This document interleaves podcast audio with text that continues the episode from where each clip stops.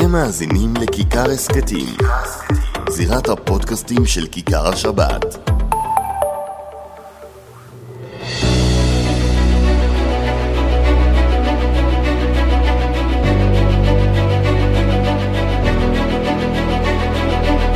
שלום לכם, אנחנו עם עוד אה, הצפת, פודקאסט, הזירה גם מבית וגם, כיכר גם השבת. וגם, אבל גם הצפת, עוד לא הצגתי גם אותך, חכה חצי דקה, אבל תציג נכון, שלום. גם פודקאסט, גם הצפת, אתה אומר גם וגם. גם וגם. מה שלומך אבי וידרמן? אה, ממש סביר. איך אתה מסכם את השבוע הזה, ניצחון או הפסד של המחנה שלכם שחושש מדיקטטורה ומהפכה משטרית? תשמע, אני חייב להגיד שאני אני מחזיק מעצמי בצניעות, אה, בלשון סגי נאור, מישהו שקצת מבין פוליטיקה. אני לא בטוח שהבנתי את האירוע. מה לא הבנת? שאל בני ויען. תשמע, איך המנצחים מפסידים והמפסידים מנצחים. תראה, זה עולם הפוך. אני אגיד לך מה, ולפחות זו ההסתכלות שלי על האירוע. נתניהו לא רצה שיהיו שני נציגים לקואליציה. הוא ידע מה המשמעות של זה, הוא יודע מה ההשלכות. בוא, בוא, רק מה- נסביר, אולי, ההשלכות המיידיות היו למעשה פיצוץ השיחות בבית הנשיא. פיצוץ השיחות, שער הדולר, אנשים יכולים לצחוק עד מחר על שער הדולר, בסוף זה הדבר, אחד הגורמים הכי משפיעים על האינפלציה ספק. ועל הריביות.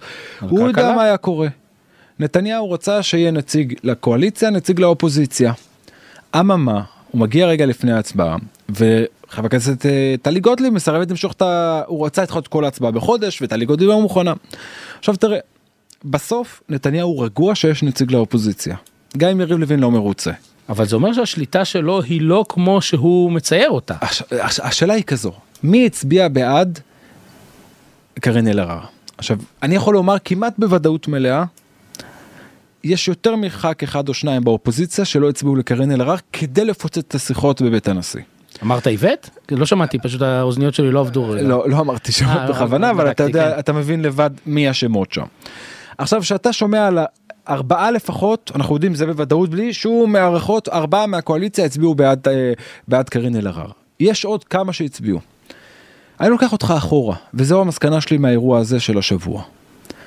יריב לוין, צריך להבין, אין לו, בוודאי בשלב הזה, רוב בקואליציה להעברת רפורמת המשפט, כשאנחנו מדברים על רפורמת המשפט זה הסעיף המרכזי של שינוי ועדה לבחירת שופטים. אין לו רוב לזה, הוא יעלה את זה להצבעה, לא יהיו לו 61 אצבעות בקואליציה, ואני לוקח אותך, אתה יודע לאיפה אבי? נו, חג הסוכ... חג הפסח האחרון. חשבתי שאתה רוצה להגיד חג לא, הסיגד, סו- כן. לא, סו- הרי כנס החורף מסתיים, כן.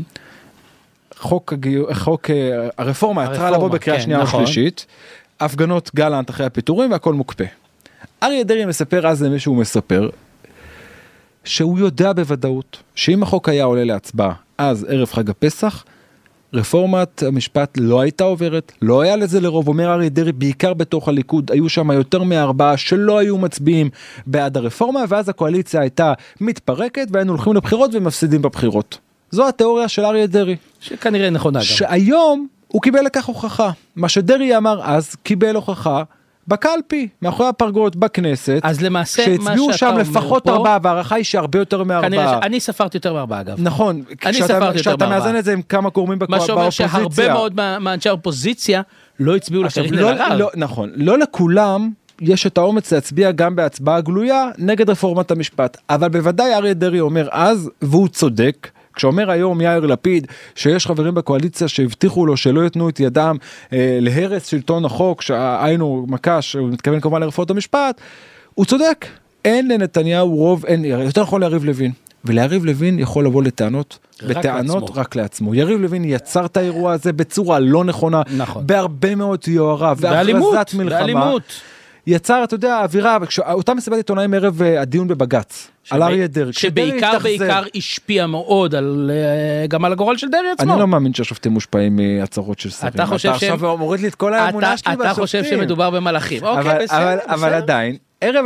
במסיבת עיתונאים הזו שדרעי מופתע ממנה, ההכרזת מלחמה של יריב לוין וכל ההתנהלות שלו בארבעה חמישה חודשים האחרונים, אם מערכת המשפט תצא מחוזקת מכל הסיפור הזה בשנה הקרובה, הקרדיט מגיע רק ליריב לוין, אסתר חיות צריכה לשלוח זר פרחים ליריב לוין. וגם לשמחה רוטמן, בוא, אל תשכח את היהודי היקר הזה. אני חושב שהוא לא מספיק חשוב לאירוע הזה כמו שמציירים זה נכון יושב ראש ועדת החוקה אבל לא, בסוף הצ- הצורה הוא לא שבה בא- הוא ניהל את כן, הדיונים, לא היא. זו שגרמה לחלק גדול מהלחץ, האלימות לא והברוטליות מסכים. שבה אני לא הוא מסכים ניהל איתך. את הדיונים. אני, אני לא מסכים איתך לא על הדרך שהוא ניהל את הדיונים אלא על, הח- על הטענה החשיבות. שלך של החשיבות כי בסוף שמחה רוטמן עם כל הכבוד ויש כבוד ולצוות המאבטחים שלו הכל בסדר בסוף לא הוא הגו- הגורם שיכול להכריע ימינה או שמאלה. עכשיו, ויריב לוין כן יש לו את אני הכוח רוצה הזה. רגע להבין, אתה למעשה מה שאתה מספר לנו כאן אומר, שרפורמה, לא, סליחה, זה לא רפורמת המשפט, רפורמת המשפט כנראה חיה ובועטת ו- ותצליח ו- וכנראה תהיה גם טובה, אבל המהפכה המשטרית, הרכיב של המהפכה המשטרית, הוא כן הלך לעולמו. אני חושב כמעט בוודאות כשאתה מדבר כמובן על הרכיב אתה מדבר על שינויים בוועדה למינוי שופטים. שזה היה שופטים, הלב, לב הסיפור. שזה האירוע. להערכתי לפי מה שאני שומע מלא מעט גורמים הלוויה. זה מאחורינו. הרפורמה שאר הרפורמה הסבירות אגב אני לא בזה- אני, בזה גם באופוזיציה אני, אני, נמצאת. אני, אני גם לא מסכים עם הטענות שעילת הסבירות תחזיר את אריה דרעי לממשלה. כן, כי היו שם עוד שתי עילות נוספות לא, להד- כן, יש את להרחקה. ההשתק השיפוטי, יש נכון. עוד סיבוכים. אני לא רואה את אריה דרעי חוזר לממשלה בקרוב. גם אם יעבירו כל מה שתרצה בדרך. בג"ץ, עם כל הכבוד, יגיד לו, מסכימים עם החוק שלכם, לא פוסלים את החוק, אבל זה לא הולך רטרו, זה לא יחול על אריה דרעי. ואריה דרעי יכול לבוא בטענות רק לעצמו באירוע הזה, כי בדרך שהוא דיבר בבית המשפט השלום בירושלים, כשהוא לא צריך בכלל לדבר. אני נראה לי סיפרתי זה לך את גם זה הייתה בשידור. הצעת עור- עורך דינו. דיברתי עם אחד הגורמים הבכירים ביותר במערכת המשפט שהיה מעורב בתיק דרעי עד צוואר. בן אדם שניהל את התיק של אריה דרעי בוודאות לא יודע אם ביום יום אבל מכיר כל פרט וכל סעיף וכל נקודה בחקירת דרעי. ואחרי ההחלטה של בג"ץ לפסול את אריה דרעי הוא אמר לי את המשפט הבא הוא אמר לי תקשיב אריה דרעי לא קיבל הסדר, הסדר טיעון מקל אריה דרעי קיבל הסדר טיעון הוגן.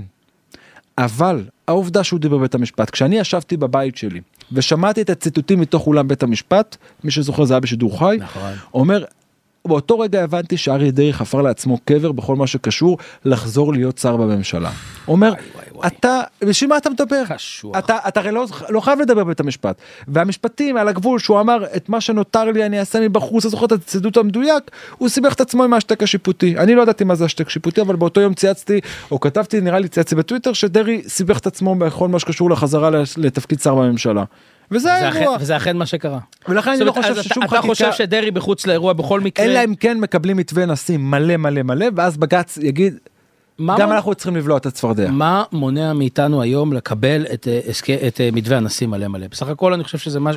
אם אתה מוציא את הוועדה לבחירת שופטים, בסך הכל, יש הסכמה על רוב? ה- רוב, רוב הרכיבים שם. חלק מהצופים והמאזינים שלנו כבר למדו שאנחנו מיודדים חברים לא יודע איך שאתה אל תגדיר את זה. תהרוס, אל תהרוס. אנחנו לא חברים כי בסוף אתה לא חובש כיפה ואני מפחד ש... עכשיו ברצינות. בלילה שהרצוג הנשיא הרצוג הציג את מתווה העם כמו שהוא הגדיר אותו. העברתי לך וואטסאפ שקיבלתי אס.אם.אס יותר נכון מאחד מבכירי הפוליטיקאים החרדים שאמר למה גרסה במילה אחת. היום אותם פוליטיקאים כבר מדברים אחרת. הם, מדביק, עכשיו- הם מדביקים עם סלוטפ את הנייר הגרוס. נכון בדיוק למה כי חוק הגיוס שפתאום ראו איזה בלאגן היה כאן במדינה עם חוק הגיוס וצריכים להגיע לאיזשהו מתווה שלא יעורר כן, את כן, כל הזעם הרחוב. צריך לזכור שבעוד מספר שבועות פג בוא, תוקף עזוב, אה, לא, חוק לא הגיוס. רלוונטי לא רלוונטי אני זה לא לא מתרגש? מה מה יקרה יבואו יעצרו לך תלמידי ישיבות מה יקרה כלום אה, אתה לא חושש? אתה לא לא חושש? לא חושש מזה שום דבר לא יקרה מזה ש- שחוק הגיוס יפקע שום דבר לא יקרה תהיה רגוע לא לא- תראה לא- לא. יגייסו- לא יגייסו חרדים עזוב, בכוח? אתה יודע את האמת, אבי. אז, אז כאילו, אז יהיה עוד ארבעה חודשים שמעמד בני הישיבות לא יהיה מוסדר, אז כמה בחורי ישיבות לא יטוסו לאומן בראש השנה, big deal. בסדר, זה לא הסיפור. הסיפור בסוף שאתה צריך להביא חקיקה שתעמוד במבחן בג"ץ. הרצוג פותר לך את זה. נכון. עכשיו גם את סיפור דרעי, שאני לא חושב שזה ליבת המשאלה של הציבור החרדי בזה ראש מעייניו, לא חושב. ליבת אה, ציבור מצביעי אז ש"ס. גם מצביעי ש"ס, לא על זה תקום הממשלה. כן, זו פגיעה קשה במצביעי ש"ס. כן, אני חושב שנעשה לו עוול, למרות שהוא אשם בזה במה שהוא אמר בבית המשפט. לא יודע אם את המילה אשם, אבל הוא גרם לכך בוודאות. עדיין, עדיין, עדיין בסוף פגעו במצביעי ש"ס. לכולם, אבי. אתה זוכר ערב הבחירות, אף גורם באופוזיציה, של, בקואליציה של אז, בראשות לפיד בנט, לא הסכים לפסול את אריה דרעי מלכהן כשר. נכון. זה כבר היה אחרי ההרשעה שלו נכון, בתיק נכון, המיסים. נכון, נכון, נכון, נכון. לכולם היה ברור, כמעט כל מצביע כולל- במדינה. כולל יאיר לפיד. נכון. הוא לא אוהב שאתה אומר את זה, צריך לומר, אבל אני. מציע, אתה יודע, יש את הוידאו של ברעיון שלו אצלי נכון. בכיכר השבת, אבל בסוף בסוף, לכולם היה ברור גם למחנה המרכז שמאל שיש אופציה שדרעי יכהן כשר בממשלה גנץ אמר אני היחיד שיכול להביא את החרדים? בעצם תמונה של דרעי אז נעשה עוול ועדיין. עם כל הפגיעה אני לא חושב שאם אריה דרעי מכהן כשר בממשלה על זה תיפול הממשלה או תקום אני- הממשלה או כל יהדות ספרד. אני חייב להגיד לך עוד משהו, עזוב אותי רגע מהכל, אני חושב שלציבור הישראלי, עזוב רגע פוליטיקה, יש אינטרס שאריה דרעי יחזור לשולחן הממשלה. אין בעיה. אריה דרעי הוא אחד האנשים המתונים, אפילו גדי איזנקוט אמר לי כרמטכ"ל ואמרו לי את זה לא מעט רבי אלופים ואלופים ותתי אלופים המנוסים. ביותר שאומרים לך שהרבה חיילים חייבים את חייהם לאריה דרעי כלשונם אמרו את זה אנשים לא מעט שהוא ידע לקבל את ההחלטות ולנהל נכון בישיבות הקבינט וזה אומרים לך כולם שרי ביטחון רמטכ"לים לשעבר שמע- שמעתי את זה. ועדיין וגם היום תראה כל האירוע הזה של המהפכה המשטרית שנהיה פה בסופו של דבר מי כן, ששם את האצבע בסכר. עכשיו עוד רגע נגיע. לזה עוד רגע נגיע לתפקיד של הציבור החרדי של הפוליטיקאים החרדים בעצירת אה, הסעיף המרכזי ברפורמת המשפט אבל לפני כן דיברנו על אריה דרעי אני רוצה עוד משפט אחד נראה לי שאני אומר אותו לראשונה. אריה דרעי לא חבר קבינט הוא משקיף בקבינט. הוא מקבל עדכונים ביטחוניים יותר מחברי קבינט. מי שיעבור ליד הבית של דרעי כמעט כל יומיים שלושה יכול לראות שם אלופי משנה תתי אלופים אלופים שמגיעים לדרעי תדרוכים ביטחוניים התייעצויות. לא, לא צריך אתה יודע להיות איזה סקופ גדול כדי להכיר את זה זה קורה כולל בשבוע האחרון אני יודע זה אלוף כן משנה סקופ גדול זה ש- מעניין אה, מאוד. ישב עם דרעי זה קורה ביום יום יושבים איתו בכירי מערכת הביטחון. ממתי שמעת שהרמטכ"ל נפגש עם חבר כנסת שהוא אפילו לא שר? מעט מאוד פעמים. יפה הרמטכ"ל נפגש עם אריה דרעי מדהים. אתה יודע להסביר למה? לא. יפה. זה נשמע אז- כמו כמו אה, סמכות ללא אחריות. יפה אז אם הרמטכ"ל נפגש איתו אז תבין מה קורה עם הדרגים הפחות והכל כמובן מתואם עם המזכ"ץ של אה, ראש הממשלה ועם אה, שר הביטחון ויואב גלנט חייב לאריה דרעי הרבה בזכותו הרבה הוא לא פוטר וכולנו. מכירים עכשיו אין ספק. אז תגיד לי רגע, מה אני חייב לשאול. החרדים? רגע, לא, עוד לפני לא, לא, כן. אני חייב לשאול אותך. אתה תיארת פה בסופו של דבר את אה, הלווייתה של המהפכה המשטרית. בסעיף של אה, ועדה למינוי שופטים זה עזוב, זה- זה זה האירוע. בוא, אנחנו דיברנו על זה מספיק בפודקאסט הזה, אנחנו יודעים לבודד שזה הרכיב המהפכני, כל השאר זה באמת רפורמה. עכשיו, בהינתן שזה האירוע, ונגמר האירוע, אז למה לעזאזל יושב ראש ממשלה לשעבר, עומד ראש ממשלה לשעבר במוצאי שבת לפני כשבוע וקורא למרד מיסים, מרי, למרי מרי אזרחי. אתה שואל אותי? למה יושב, פה הוא כן אתה יושב. מכיר את אהוד ברק, לא אני. אני גם מחבב אותו מאוד, אני מכבד אותו מאוד, אתה מעריך אותי- אותו, אבל אני לא מבין, אמרתי אולי אתה תבין, אני לא מצליח להבין את אתה יודע האירוע ההסבר הזה. היחיד שלי? נו. שגם הוא מבין שהרפורמה החלק העיקרי הלך. מאחורינו וצריך להחיות את המחאה. עכשיו צריך לומר את האמת ברגע שזה יהיה הרבה יותר פומבי ויבינו שלא יהיו שינויים דרמטיים בוועדה למינוי שופטים. גם באנשי המחאה יש גורמים שינסו בכל מחיר לתדלק את המחאה הזו. ודאי, אנחנו מכירים, זה הדגלים השחורים מחאת וכל ה... בלפור. נכון. אתה- קיבלת את הדרישת שלום מהדגלים השחורים השבוע? עוד לא מה? או, אתה יודע מה? אני אחפש לך את זה, אבל בינתיים אני חייב לומר לך שזה לא רק הרי אהוד ברק. דן חלוץ. לא, לא, אני, אני, אני בהלם עדיין מתגובתו של, לא מתגובתו, ממעשיו של אה, ממלא מקום אה, השגריר בצרפת. תראה, אני לא חשוד באהדת יתר לבצלאל סמוטריץ', כן? אבל לבוא ולחבל כשגריר. בעבודת משרד החוץ ולהגיד לא לתאם פגישות, אז פה, פה גם אין רווח פוליטי, זה לא הדגלים? השחורים, זה לא הדגלים למה שר השחורים. החוץ לא פיטר אותו באותו רגע? אז נו, אז תסביר לי, כי אני הייתי מפטר אותו. וזה באמת כבן אדם שלא אני אמור לראיין חשוד בקרוב בזה. את שר החוץ ונטפל. נטפל, נשאל אני, אז כמובן. אני מזמין שאלה, אבל הנה אני רוצה להקריא לך את הוואטסאפ של הדגלים השחורים השבוע. אה, בזמן ההמתנה לתוצאות הכנסת מאשרת בקריאה טרומית החוק שיכלול אמירות נגד חרדים כגזענות לפי חוק העונשין.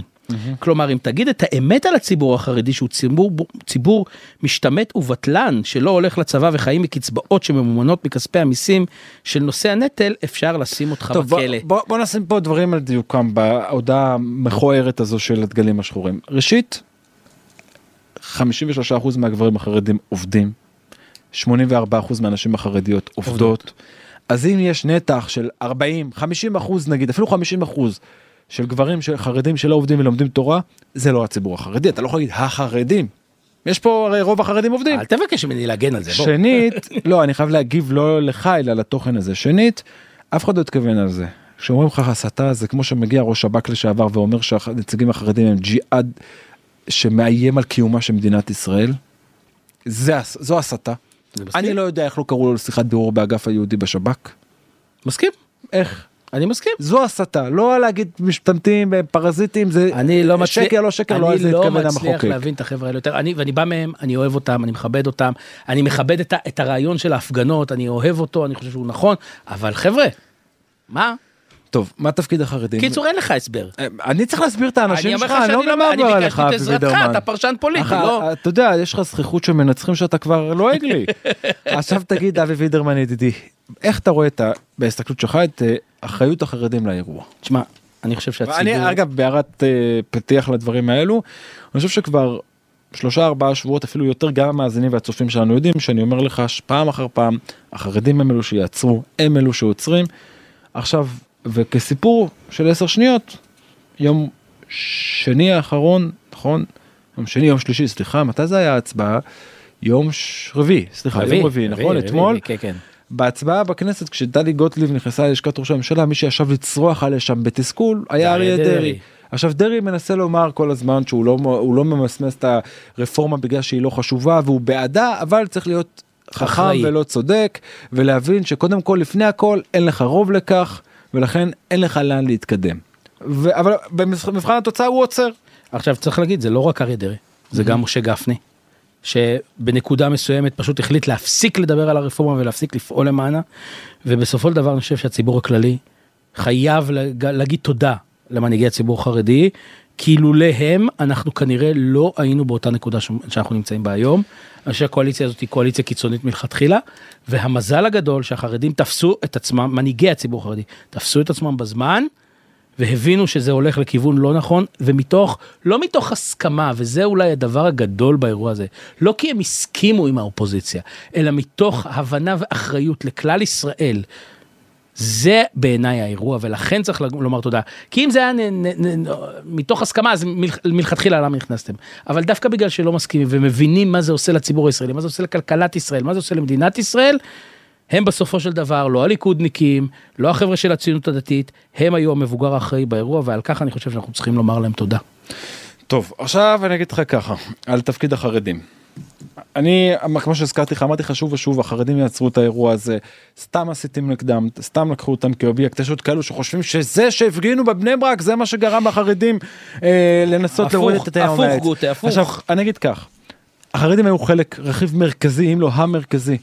של אה, בלימת רפורמת המשפט בנקודה של ועדה למינוי אה, שופטים כשהבינו מה. ההשלכות. אבל זה נעשה בעיקר בעיקר בעידוד ובכוחו של ראש הממשלה נתניהו שהוא יותר מכולם וזה אי אפשר לקחת ממנו נתניהו מבין בכלכלה. נכון.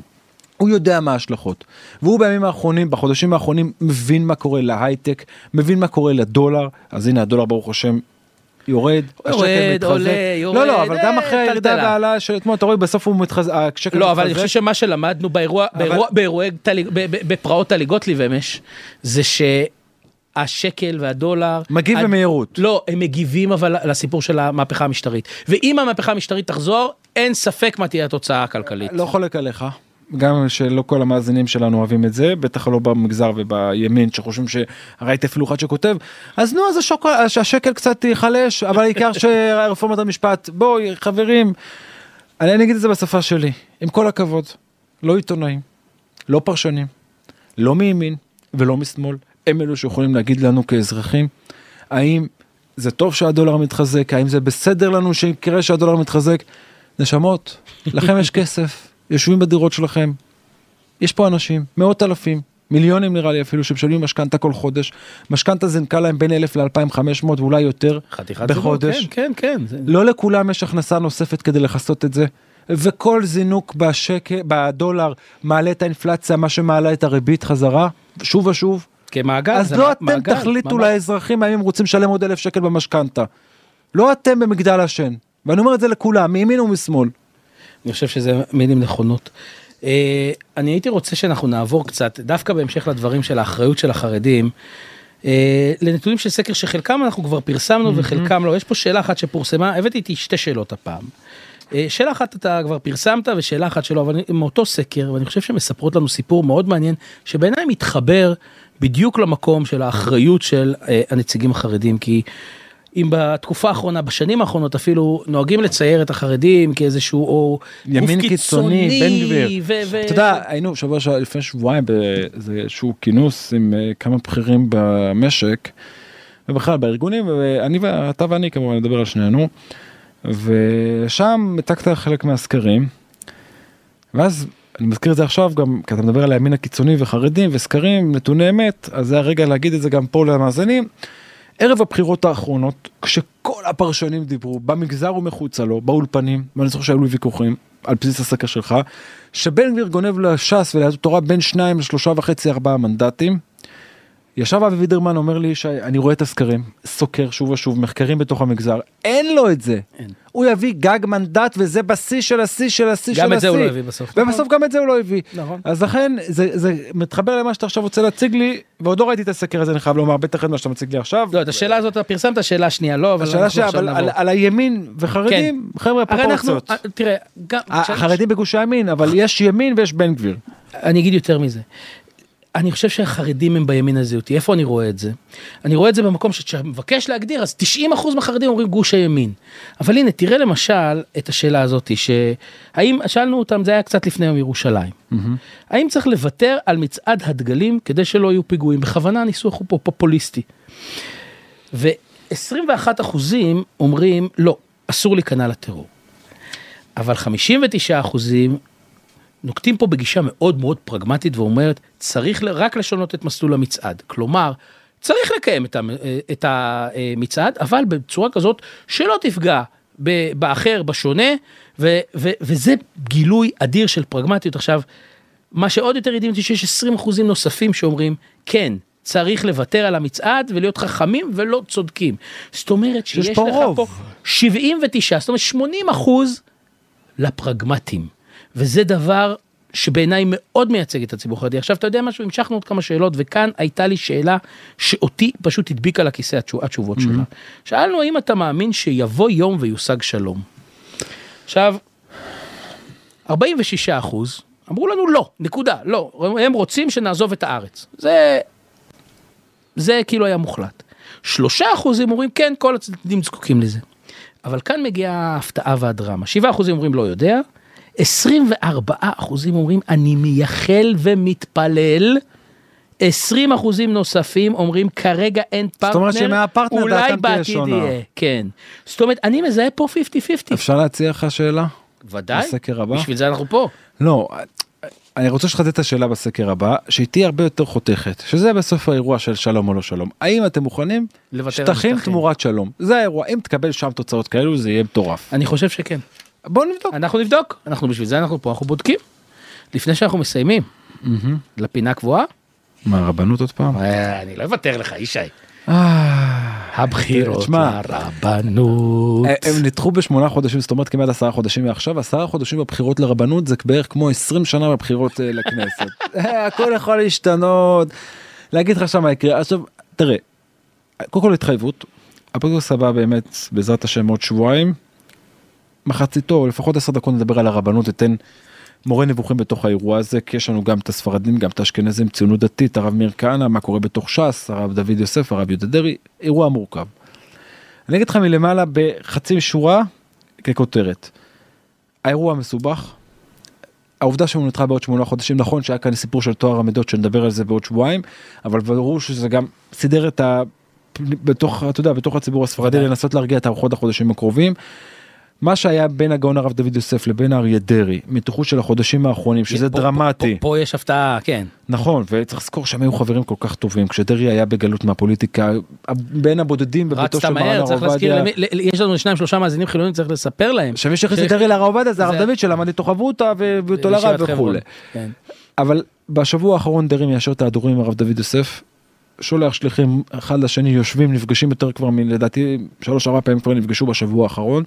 להגיד לך שאריה דרעי תומך ברב דוד יוסף זה לא נכון אי אפשר לומר את זה אבל כן קורה שם משהו זה לא מה שהיה לפני שבוע. אבל אנחנו כמה זמן אנחנו כבר 24 וחצי דקות לתוך הפודקאסט הזה ואנחנו חייבים לסיים הבטחתי בלי נדר בשבוע בעוד שבועיים בהחלט 10 מרתק, דקות רק על ואם- הרבנות מורה נבוכים. וחייב להגיד, אנחנו- אני מתעקש על זה כי אני חושב שהבחירות האלה יש גם הרבה מאוד השלכות פוליטיות. נדבר. אבי יאללה. וידרמן, תודה רבה, שבת שלום. תגיד שבס.